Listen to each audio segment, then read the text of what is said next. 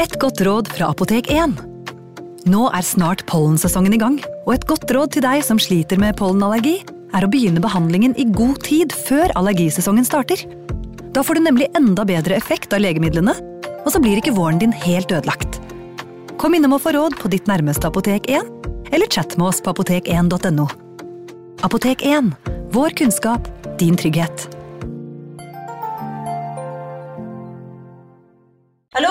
Jeg kommer fra Oslo politikammer. Ine Jansen er purk. Er du purk? The motherfucking bitch. Alt jeg vil, er å finne ut hva som skjedde med mannen min. Jon Carew. Er jeg sikta for noe? Iben Akeli. Det er du. Ole So, Lars Berrum og Big Daddy Karsten. Hvem sin side er du på, egentlig? Anette Hoff, Tone Danielsen, Kommer du fra Afrika? Jørnis Josef, Nesten kløfta. Trond Espen Seim, Det er synd å si det, men det var feil mann som døde. Purk. Premiere tirsdag på TV2 Play. Ungsamtalen fra DNB er økonomisk veiledning tilpasset deg som er ung. Bokk en ungsamtale på dnb.no. slash ung. Det er kjempebra hvis du skal inn på boligmarkedet, hvis det er drømmen din, liksom. Det er det du skulle sagt. Og så kunne du ropt litt mer, da, sånn som jeg gjorde. Bam! Fredag 2. november har du muligheten til å oppleve True Crime-podden live på Gamlebyens gjestegiveri i Fredrikstad. Gjør deg klar for to ekte krimhistorier som får deg til å gå kaldt nedover ryggen. True Crime-podden vil lese krimhistorier live fra scenen. Det vil man ha mulighet til å stille spørsmål etter historiene. Billetter kommer for salg på hopla.no. Dørene åpner klokka 18.00. Vel møtt, om du tør. Advarsel. Denne podkasten inneholder skildringer av ekte drap og kriminalsaker som kan være støtende for enkelte. Det advares også mot sterke inntrykk i deler av episoden. Mange av dere lyttere skriver til oss på vår Instagram-konto True Crime Norge, eller mailer oss på post at truecrimenorge.no og foreslår veldig spennende saker. True Crime-podden prøver også å ta for seg saker som ikke alle har hørt om. Mange av disse sakene er foreslått av dere lyttere, noe vi setter stor pris på. Slik som denne historien dere nå skal få høre, en krimhistorie som veldig mange har ønsket seg lenge. Derfor er vi glade for å endelig kunne fortelle den. Vi skal til starten på 1900-tallet og byen New Orleans i Louisiana. En øksemorder herjer den vakre og tradisjonsrike byen i 18 måneder. Som i en skrekkfilm går morderen løs på uskyldige mennesker om natten mens de sover i sine egne senger. Morderen bruker ofrenes egen øks og legger den igjen på åstedet etter at han har slått inn skallen og halshugget dem. Blodet fløt i New Orleans, og folk var livredde denne øksemorderen. Velkommen til True Crime Poden.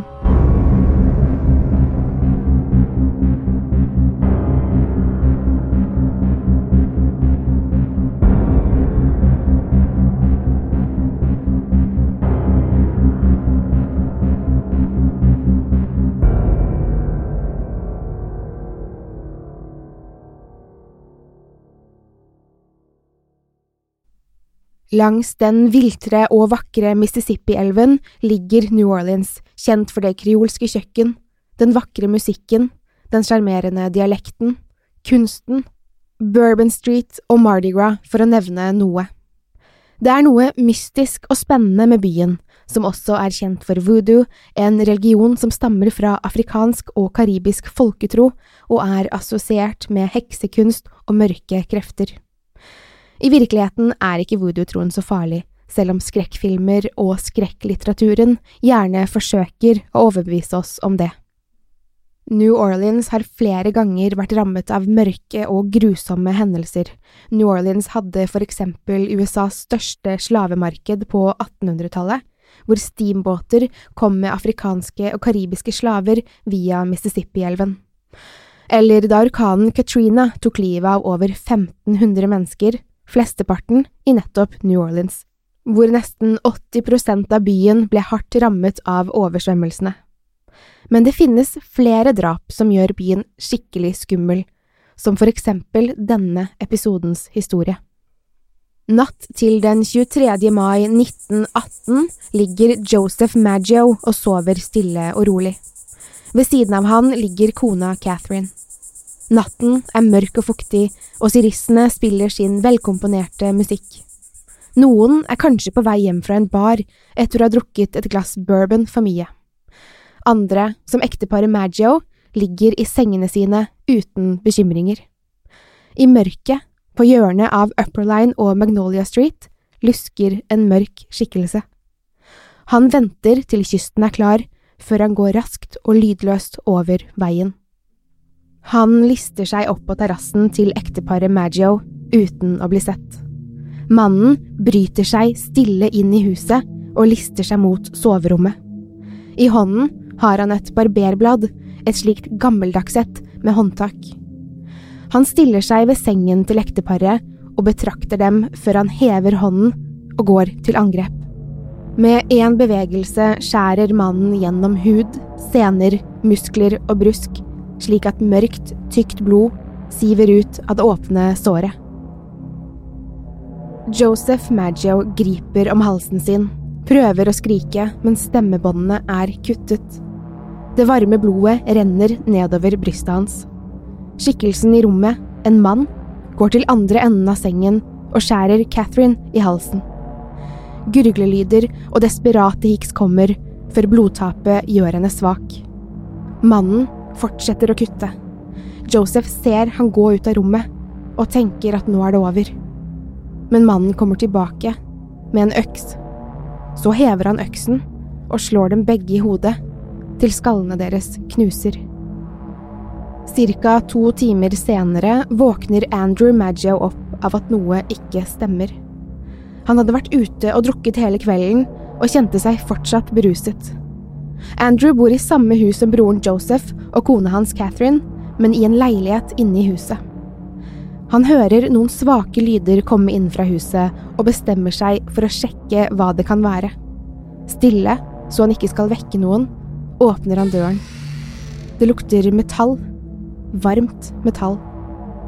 Så ser han blodflekkene utenfor soveromsdøren til broren og går til soverommet for å undersøke. I sengen ligger Joseph og Catherine blodige, med avskårne struper og innslåtte skaller. Mengden blod er enorm. I sengen, på veggen, gulvet, i taket. Overalt.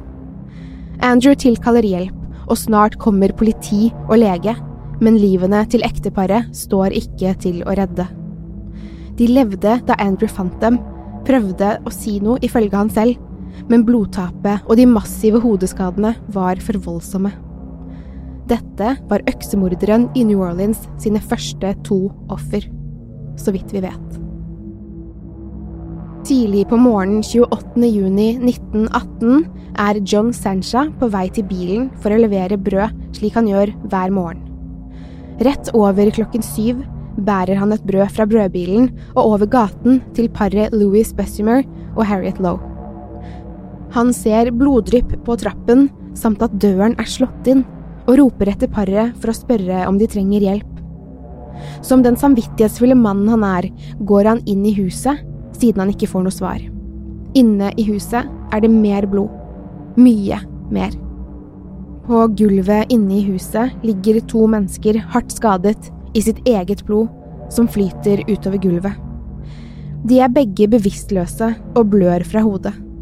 Det ser ut som noen har slått dem med hakke eller øks. John Sancha løper ut i gaten og roper på hjelp, og ikke lenge etter kommer politiet til stedet. De har med seg lege, som konstaterer at de begge lever. Både Louis Bessemer og Harriet Lowe blir tatt med til nærmeste sykehus. Begge klarer seg første natten, og dagen etter blir de avhørt av politiet. Louis forteller at han hadde ligget og sovet i sengen sin da han våknet av en voldsom smerte i hodet. En mann som han ikke kunne se ansiktet til, angrep han med hammer, øks eller hakke han var ikke helt sikker. Louis forklarer videre at han prøvde å advare Harriet, men at han mistet bevisstheten før han klarte å gjøre noe. Lever hun? spurte han politietterforskeren. Hun lever, svarte etterforskeren, og spør, men hvem er hun? Louis var nemlig gift, men ikke med kvinnen som sov i sengen hans. Harriet Lowe var hans elskerinne, og kona hadde vært og besøkt familie i Cincinnati den uken. En prekær situasjon som mediene også plukket opp. Harriet våknet også til alt oppstyret, men med store skader i ansiktet og hodet. Hun måtte ta sterke smertestillende medisiner for å gjennomføre avhøret. Unge frøken Harriet skulle vise seg å være en snakkesalig dame. Hun fortalte opp og ned om hvordan hun hadde møtt Louis Bessemer, og at de hadde truffet hverandre lenge bak konas rygg. Hun sa at hun gledet seg til å endelig møte sin elskers kone, noe mediene lagde store oppslag om. Da politiet spurte om Harriet kunne huske hvem som hadde angrepet henne, svarte hun at det var en afroamerikansk mann som hadde forsøkt å drepe henne. Etterforskerne fant så ut at Louis Bessemer som eide et par barer i nærheten av der han bodde, nylig hadde sparket en afroamerikansk mann fra en av barene grunnet dårlig holdning på jobb. Den unge mannen ble derfor hentet hjemme og tatt med til avhør. Mannen nektet for å ha skadet sin tidligere arbeidsgiver, og da Louis Bessemer hørte at den unge mannen var arrestert, var han rask med å si at det ikke var han som hadde gjort det. Mannen ble, etter noen dager i arresten, sluppet fri både fra fengsel og for mistanke. Igjen sto politiet på bar bakke uten noen mistenkte. De bestemte seg for å ransake Bessimers hus, og der fant de mye av interesse. De fant en øks med blod på, som mest sannsynlig var øksen gjerningsmannen hadde brukt. Men de fant også noe annet som var heller mystisk. I Bessimers gatoll lå det noen håndskrevne brev og ved nærmere beskuelse så det ut til å være herren i huset selv, Louis Bessemer, sin håndskrift. Brevene var på tysk, russisk og jiddisch, og politiet ante fare. Var Louis Bessemer en tysk spion? De kontakter det statlige politiet, som gjennomfører tøffe avhør av Bessemer. Han nekter for å være spion, men politiet tror han ikke. De spør Harriet om hun kanskje vet noe om spionbrevene Louis hadde hjemme hos seg. Og det gjør hun. Ja, Louis er spion, forteller en sløv og snøvlende Harriet. Hun hadde fått så mye smertestillende av de alvorlige skadene at politiet forsto de ikke kunne feste lit til det hun sa. Men Harriet fortsatte. Hun fortalte deretter at det var Louis selv som hadde slått henne med øksen for å drepe henne. Deretter hadde han slått seg selv, slik at det skulle se ut som den gale øksemorderen hadde slått til igjen. Politiet trodde ikke noe særlig på Harriet først, men Harriet ga intervjuer til de største avisene i New Orleans, som satte fart på både rykter og spekulasjoner. Presset på å arrestere Louis Bessemer ble etter hvert så stort at de ga etter. Selv om motivet for det påståtte drapsforsøket på elskerinnen kunne ha vært at hans kone ikke skulle få vite om affæren, var tanken på at Louis selv skulle ha knust sin egen hodeskalle for å slippe fengsel, veldig søkt. Han ble etter hvert frikjent for anklagene i retten. Syv uker etter angrepet på Louis og Harriet døde Harriet av de voldsomme skadene hun hadde pådratt seg. Hun hadde fått infeksjon i de store kuttene, og livet hennes tok slutt i en operasjonssal mens legene prøvde å sy sammen det i stykker slåtte ansiktet hennes.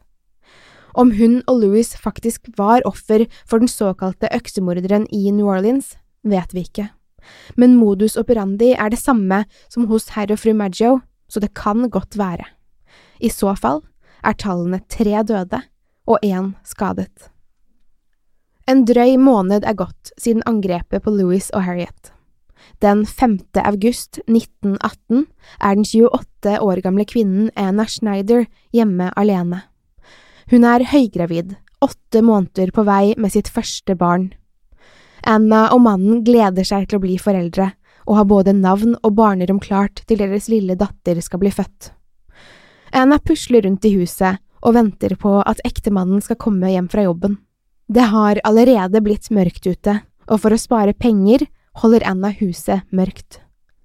Hun kjenner seg trøtt og bestemmer seg for å ta en liten lur på sengen. Hun går opp i andre etasje og legger seg ned. Det hun ikke vet, er at noen gjemmer seg i huset. Han har øks og er klar til å drepe. Anna sover tungt på sengen, helt uvitende om hva som skal skje.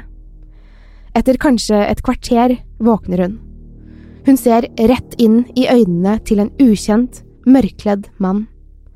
Han hever armene og holder en øks over hodet. Mannen slår og slår og slår. Blodet spruter fra hodet og halsen hennes. Hun prøver å beskytte seg, men mannen er for sterk. Han slår til hun ikke beveger seg lenger.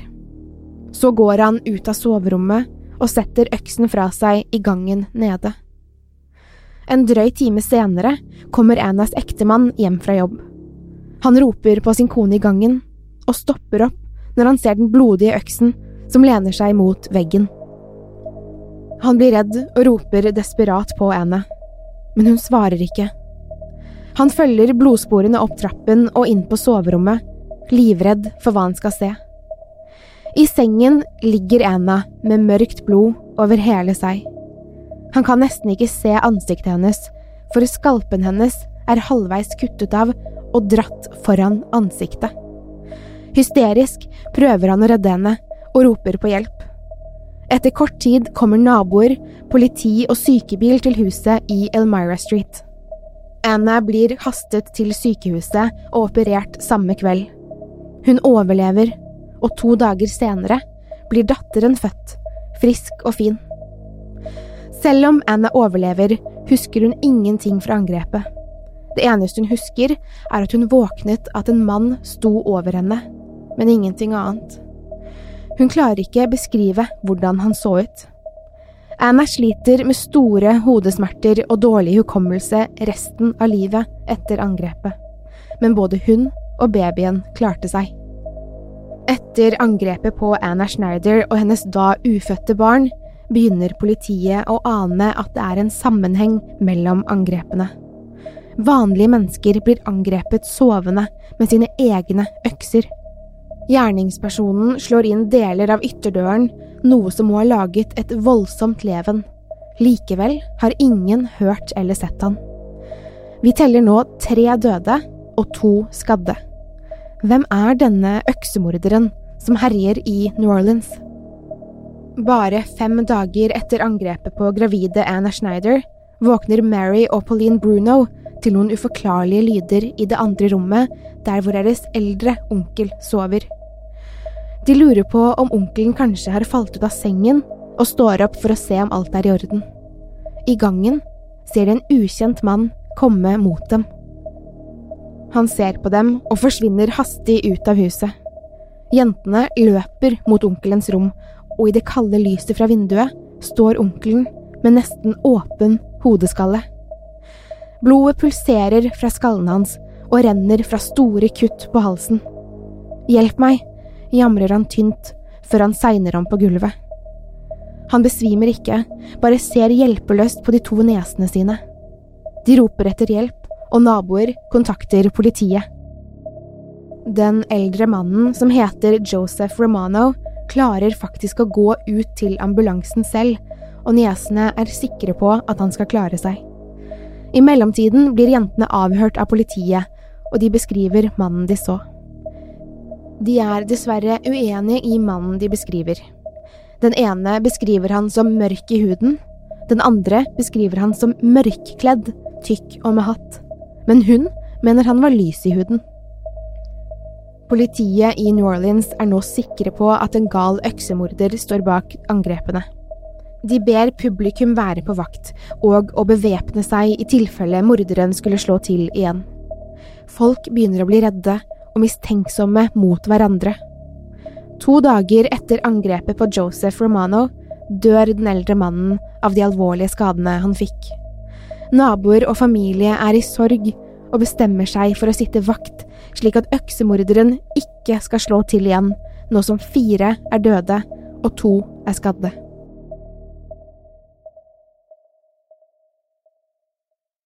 Folk i New Orleans er redde, og de snakker ikke om annet enn desperadoen med øks som hugger ned folk mens de sover. De sitter vakt, danner grupperinger i nabolagene sine for å beskytte seg, og slipper ikke sine kjære ut av syne. Ukene går, og ingen nye angrep skjer. De tør likevel ikke slappe helt av, for selv om øksemorderen ikke har slått til siden gamle Romano ble drept, er fortsatt ingen arresterte. Morderen er fortsatt fri, og han kom til å drepe igjen. Flere måneder har gått, og folk begynte å slappe litt mer av. Men den 10. mars 1919, syv måneder senere, slår øksemorderen til igjen. Kjøpmannen Orlando Giordano våkner av høye skrik fra nabohuset. Han løper ut av sitt eget hus og stormer mot naboene sine. Han løper over plenen og mot døren til Charles og Rosie Cortimiglia.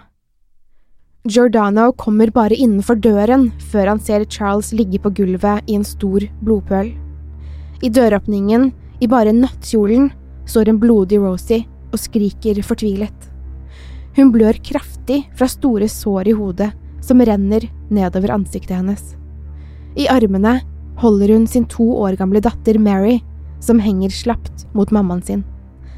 Bakhodet til Mary er knust, og hun er død. Paret blir kjørt til sykehuset med alvorlige skader. Begges hodeskaller er sprukket flere steder, men de overlever. Rosie blir aldri den samme etter å ha opplevd at datteren ble drept i armene hennes. Hun ønsket lenge at hun også døde den kvelden. Politiet spør ekteparet om de kunne beskrive hvem som angrep dem, og Rosie er klar i sin sak. Det var naboen deres, Orlando Giordano, og sønnen hans Frank som gjorde det. Politiet arresterer begge og sikter dem for mord. Men Rosies mann Charles nekter for at de to mennene angrep dem. Han forteller at Orlando og sønnen Frank var snille mennesker som hjalp dem, men politiet velger å tro på Rosie. De to mennene dømmes for mord av hva Rosie fortalte. Charles vitner for dem, men det hjelper ikke. Frank, sønnen til Orlando, er 18 år og skal henges for drapet på Mary. Orlando får livstid i fengsel.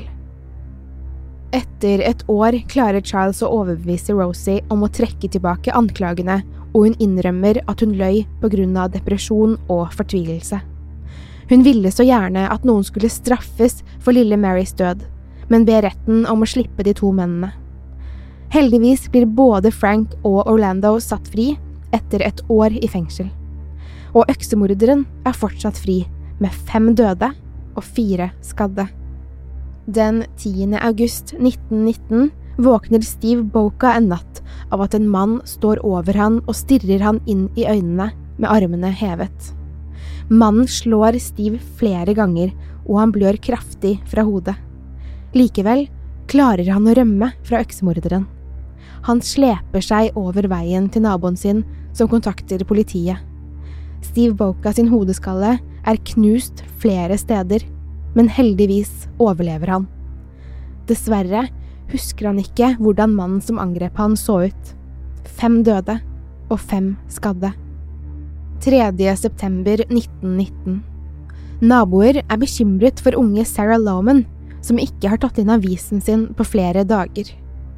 De bestemmer seg for å sjekke om alt er i orden med henne, og tar seg inn i det lille huset hennes. Den varme lukten av metall slår mot dem. I sengen sin ligger Sarah, med knust kjeve, tenner slått ut og sprekk i hodeskallen. Sarah lever så vidt og føres til sykehus. Også hun overlever, men husker ikke hvordan mannen så ut. Naboen finner en blodig øks i gresset utenfor soveromsvinduet hennes. Fem døde og seks skadde. Den 27. oktober 1919 våkner fru Peppitone av noen voldsomme lyder. En skikkelse slår mannen hennes i hodet og ansiktet med øks. Hun skriker, og mannen forsvinner ut gjennom soveromsdøren. Mike Pepitone sin hodeskalle er fullstendig knust. Bare blod og hjernemasse ligger igjen på puten. Mike Pepitone er drept. Seks døde og seks skadde. Og kona kan ikke beskrive hvordan øksemorderen så ut. Tre dager etter at toåringen Mary ble drept, og foreldrene hennes alvorlig skadet, sendte øksemorderen et brev til en avis i New Orleans. Her er et utdrag som jeg har oversatt fra engelsk. I brevet sto det Helvete den 13. mars 1919. De har aldri tatt meg, og de kommer aldri til å gjøre det. De har aldri sett meg, for jeg er usynlig, slik etere som svever rundt jorden. Jeg er ikke menneskelig, men en ånd, en demon fra varmeste helvete. Jeg er øksemorderen. Når jeg ønsker, skal jeg kreve mine ofre, og jeg vet hvem de er. Jeg kommer ikke til å legge igjen annet enn min blodige øks, full av hjernemasse og blodsøl fra de jeg har valgt til å tjene meg i underriket. Dere tenker på meg som en horribel morder, noe jeg er, men jeg kan gjøre mye verre om jeg ønsker. Hvis jeg vil, kan jeg besøke dere hver kveld. Jeg kan drepe tusenvis av deres beste og verste innbyggere om jeg vil, for jeg har et nært forhold til dødsengelen. Eksakt 15 minutter etter midnatt tirsdag kveld skal jeg igjen komme til New Orleans. Jeg har et forslag til dere, og her er det. Jeg liker jazzmusikk, og jeg sverger ved djevelen selv at hver eneste person som spiller og danser til jazzmusikk hjemme, på restauranter og barer, vil bli spart. Én ting er sikkert. De som ikke spiller jazz den kvelden, vil møte øksen. Jeg er, har vært og vil alltid være den verste ånden som noen gang har eksistert. Øksemorderen. Den tirsdagen var hele New Orleans fylt av rungende jazzmusikk hele natten. Folk, livredde for å bli drept, danset som de aldri hadde gjort før. Og ingen ble drept av øksemorderen den kvelden. Selv om øksemorderen aldri ble tatt, var folk redde for han i årevis, selv om Mike Pepitone ble hans siste offer. Vi i True Crime-podden forlater New Orleans for denne gang, men lover å komme tilbake snart. Øksemorderen er ikke den eneste som har skremt og tatt livet av flere av New Orleans sine innbyggere. Så skru opp jazzmusikken i kveld, dans for livet og sov med ett øye åpent. Plutselig står en mann over deg når du våkner midt på natten, stirrer deg inn i øynene før han hever øksen. Har du tips, spørsmål eller kommentarer til denne episoden, send oss mail på post at truecrimenorge.no. Vi legger ut bilder fra episoden på Instagram hvor vi heter True Crime Norge, og på Facebook hvor vi heter True Crime Podden. Til neste gang, pass på dere selv, og takk for at du har hørt på True